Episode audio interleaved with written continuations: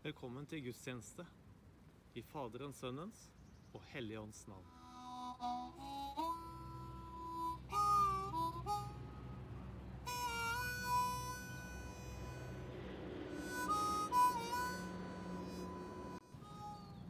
Nåde være med dere og fred fra Gud, vår Far, og Herren Jesus Kristus. Myndighetene de har jo fortsatt gitt eh, sterke restriksjoner på fysiske samlinger fram til etter påske. Så enn så lenge så vil vi fortsette med videogudstjenester. Ønsker du å delta på kommende videogudstjenester eh, med vitnesbyrd, bønn, sang, kanskje noe fotografi, en video, tekstlesing eller noe annet, så ta kontakt med meg via Facebook-siden eller en mail, eller gjerne ta og ring meg.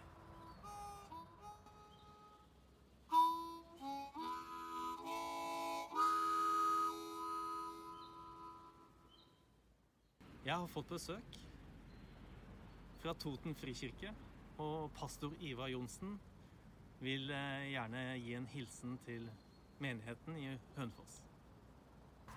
Ja, kjære dere venner i Hønefoss frikirke. Det er lenge siden jeg har vært på besøk hos dere, men jeg husker med glede på besøk hos dere fra langt tilbake. Og kjenner akkurat nå at jeg har bare lyst til å lyse Guds fred over dere i denne tida som er spesielt.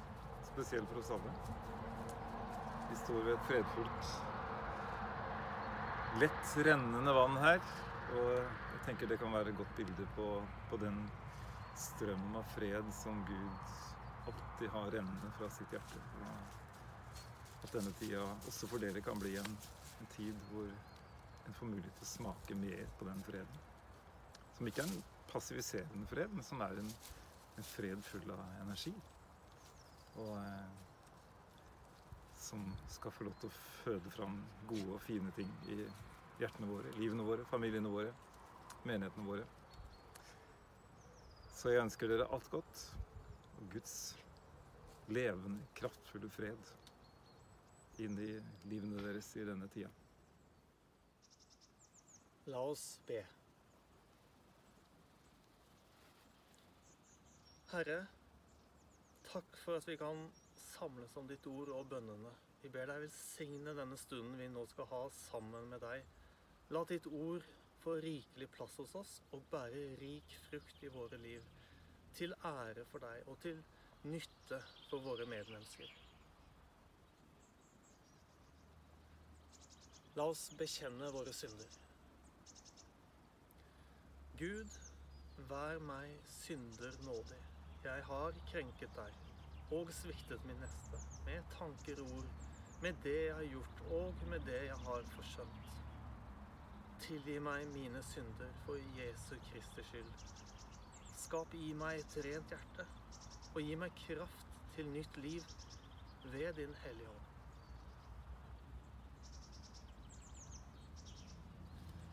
Og dette er budskapet vi har fra ham. Sier vi at vi ikke har synd, da bedrar vi oss selv, og sannheten er ikke i oss. Men dersom vi bekjenner våre synder, så er han rettferdig og trofast. Så han tilgir oss syndene og renser oss for all urett. La oss bekjenne vår hellige tro. Jeg tror på Gud Fader, den allmektige, himmelens og jordens skaper. Jeg tror på Jesus Kristus, Guds enbårne sønn, vår Herre, som ble unnfanget ved Den hellige ånd, født av jomfru Maria, pint under Pontius Pilatus, korsfestet, død og begravet. For ned til dødsriket, sto opp fra de døde tredje dag. For opp til himmelen, sitter ved Guds den allmektige Faders høyre hånd, skal derfra komme igjen, for å dømme levende og døde. Jeg tror på Den hellige ånd, en hellig, allmenn kirke, de hellige samfunn, syndenes forlatelse, legemets oppstandelse og det evige liv. Amen. La oss høre Guds ord. Vi starter med å lese fra Hebreerbrevet kapittel 4. Siden vi har en stor øversteprest som har gått inn gjennom himlene, Jesus, Guds sønn, så la oss holde fast ved bekjennelsen. For vi har ikke en øversteprest som ikke kan lide med oss i vår svakhet, men en som er prøvet i alt, på samme måte som vi, men uten synd. La oss derfor frimodig tre fram for nådens trone, så vi kan finne barmhjertighet og finne nåde som gir hjelp i rette tid.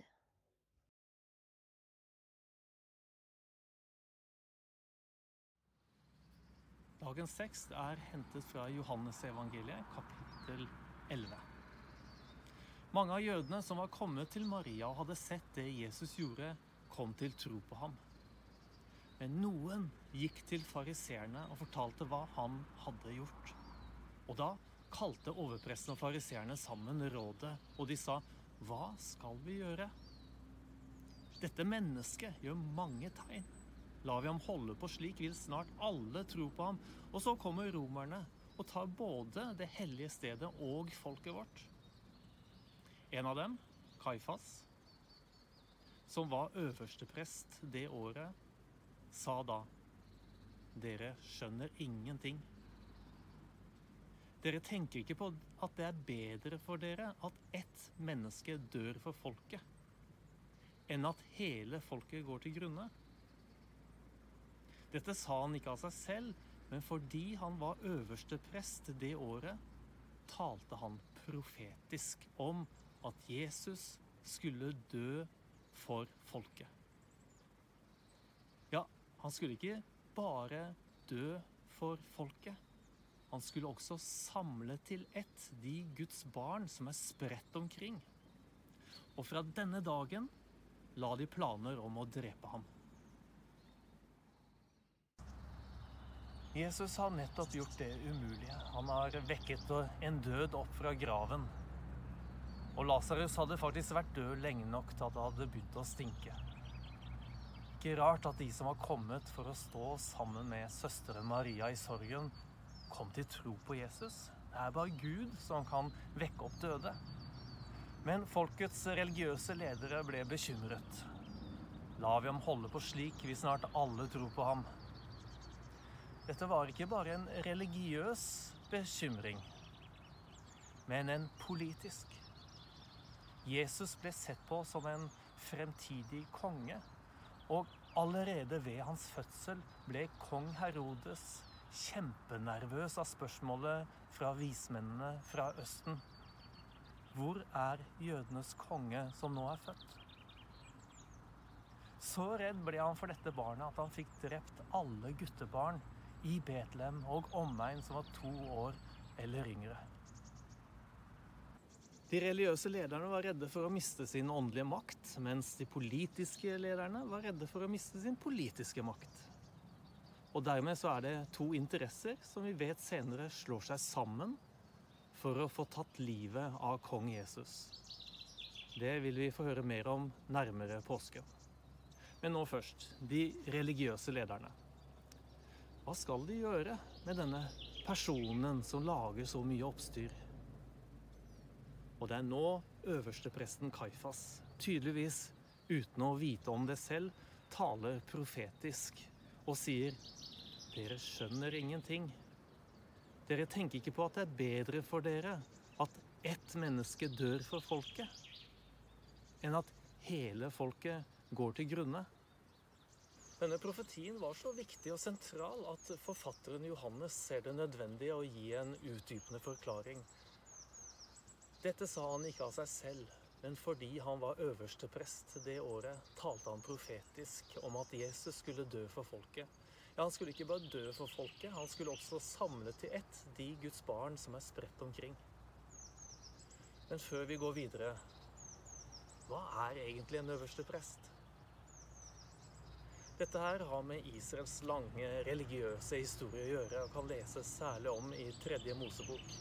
Der blir prestene innsatt og opplært til tjenesten som prest for folket.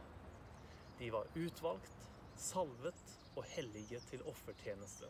Disse skulle bære fram bl.a. syndoffer som soning for folkets synder. Det er klart de hadde høy status i Israel. Og blant disse ærverdige prestene så var det én som var leder. Altså øverste prest.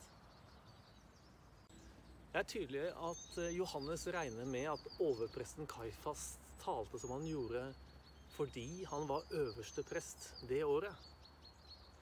I dagens lesetekst hørte vi fra hebreerbrevet. Der omtales Jesus som vår øverste prest. Og forfatteren fortsetter La oss derfor frimodig tre fram for nådens trone, så vi kan finne barmhjertighet og finne nåde som gir hjelp i rette tid. Og Jesus han er ikke som Kaifas, som bruker sin makt for religiøs og politisk vinning. Jesus er uten synd.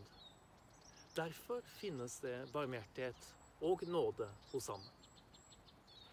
Men iallfall én ting gjorde overpresten Kaifas riktig. Han profeterte om Jesus.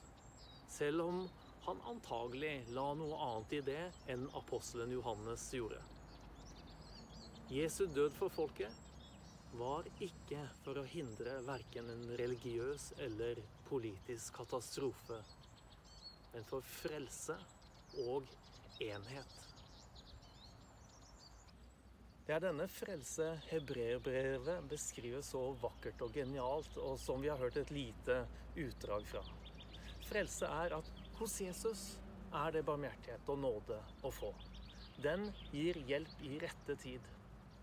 Og vi er kanskje vant med å tenke at den rette tid, det er når vi dør og skal for dommen.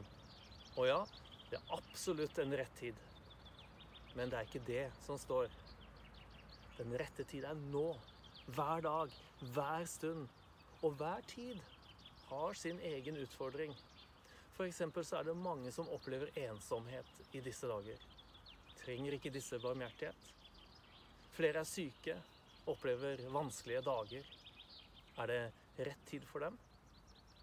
Norge, ja, hele verden står i en koronakrise. Det har enorme økonomiske, sosiale og helsemessige konsekvenser. Hele levesettet vårt er blitt forandret over natten. Jeg tror nå er rett tid for nåde. Fra himmelens og jordens skaper. Som gir hjelp i rett tid. Og Bibelen forteller oss Se, nå er den rette tid. Nå er frelsens dag. Frelse tenker vi er evig liv. Men det betyr ikke at det er uvesentlig i dag. At det gjelder bare en gang i fremtiden etter døden. Det gjelder nå. Og dette er hva Jesus sier er frelse. Og dette er det evige liv, at de kjenner deg, den eneste sanne Gud, og Ham du har sendt, Jesus Kristus. Evig liv, altså frelse, det er å kjenne Jesus. Ikke en gang da, men nå. Og alltid. Å komme til ham med smått og med stort. Stole på ham. Hvile i ham. På den måten, sier hebreerbrevet, så kan vi komme fram for Jesus. Så vi kan finne barmhjertighet og finne nåde som gir hjelp i rette tid.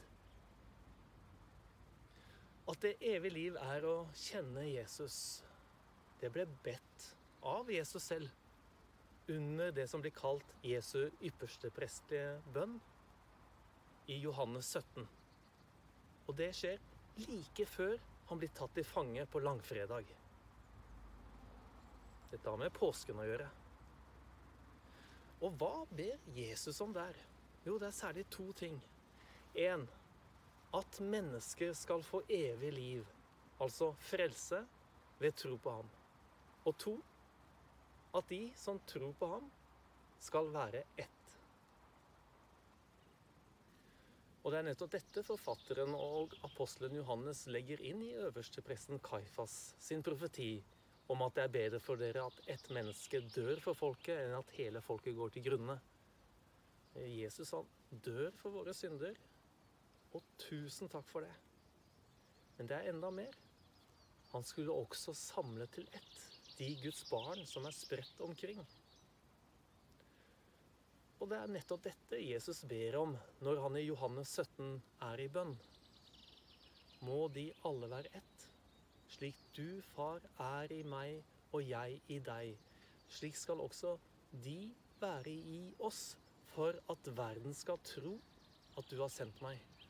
Den herligheten du har gitt meg, har jeg gitt dem. Så de helt og fullt kan være ett. Da skal verden skjønne at du har sendt meg, og at du elsker dem slik du har elsket meg. De kristnes enhet, ikke splittelse og krangel uansett hvor rett vi har.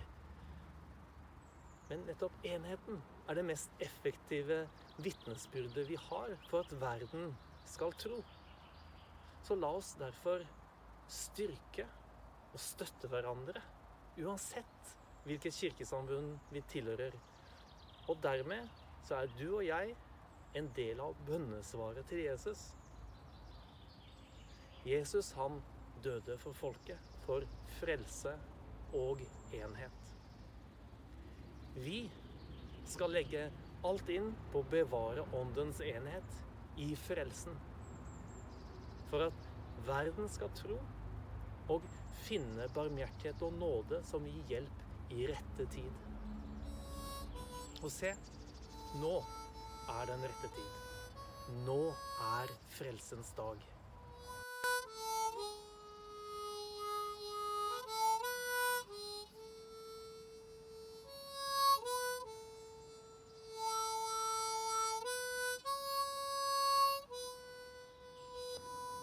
Ta imot velsignelsen. Vår Herre Jesu Kristi nåde, Guds kjærlighet og Den hellige ånds samfunn være med deg. I Faderens, Sønnens og Den hellige ånds navn.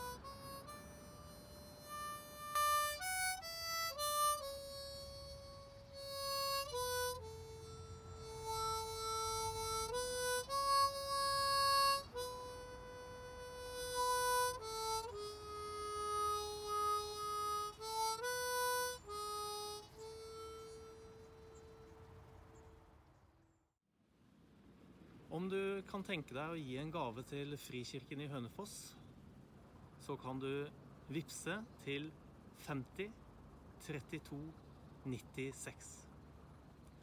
Takk skal du ha for gaven. Gå i fred og tjen Herren med glede i den styrke som Han gir.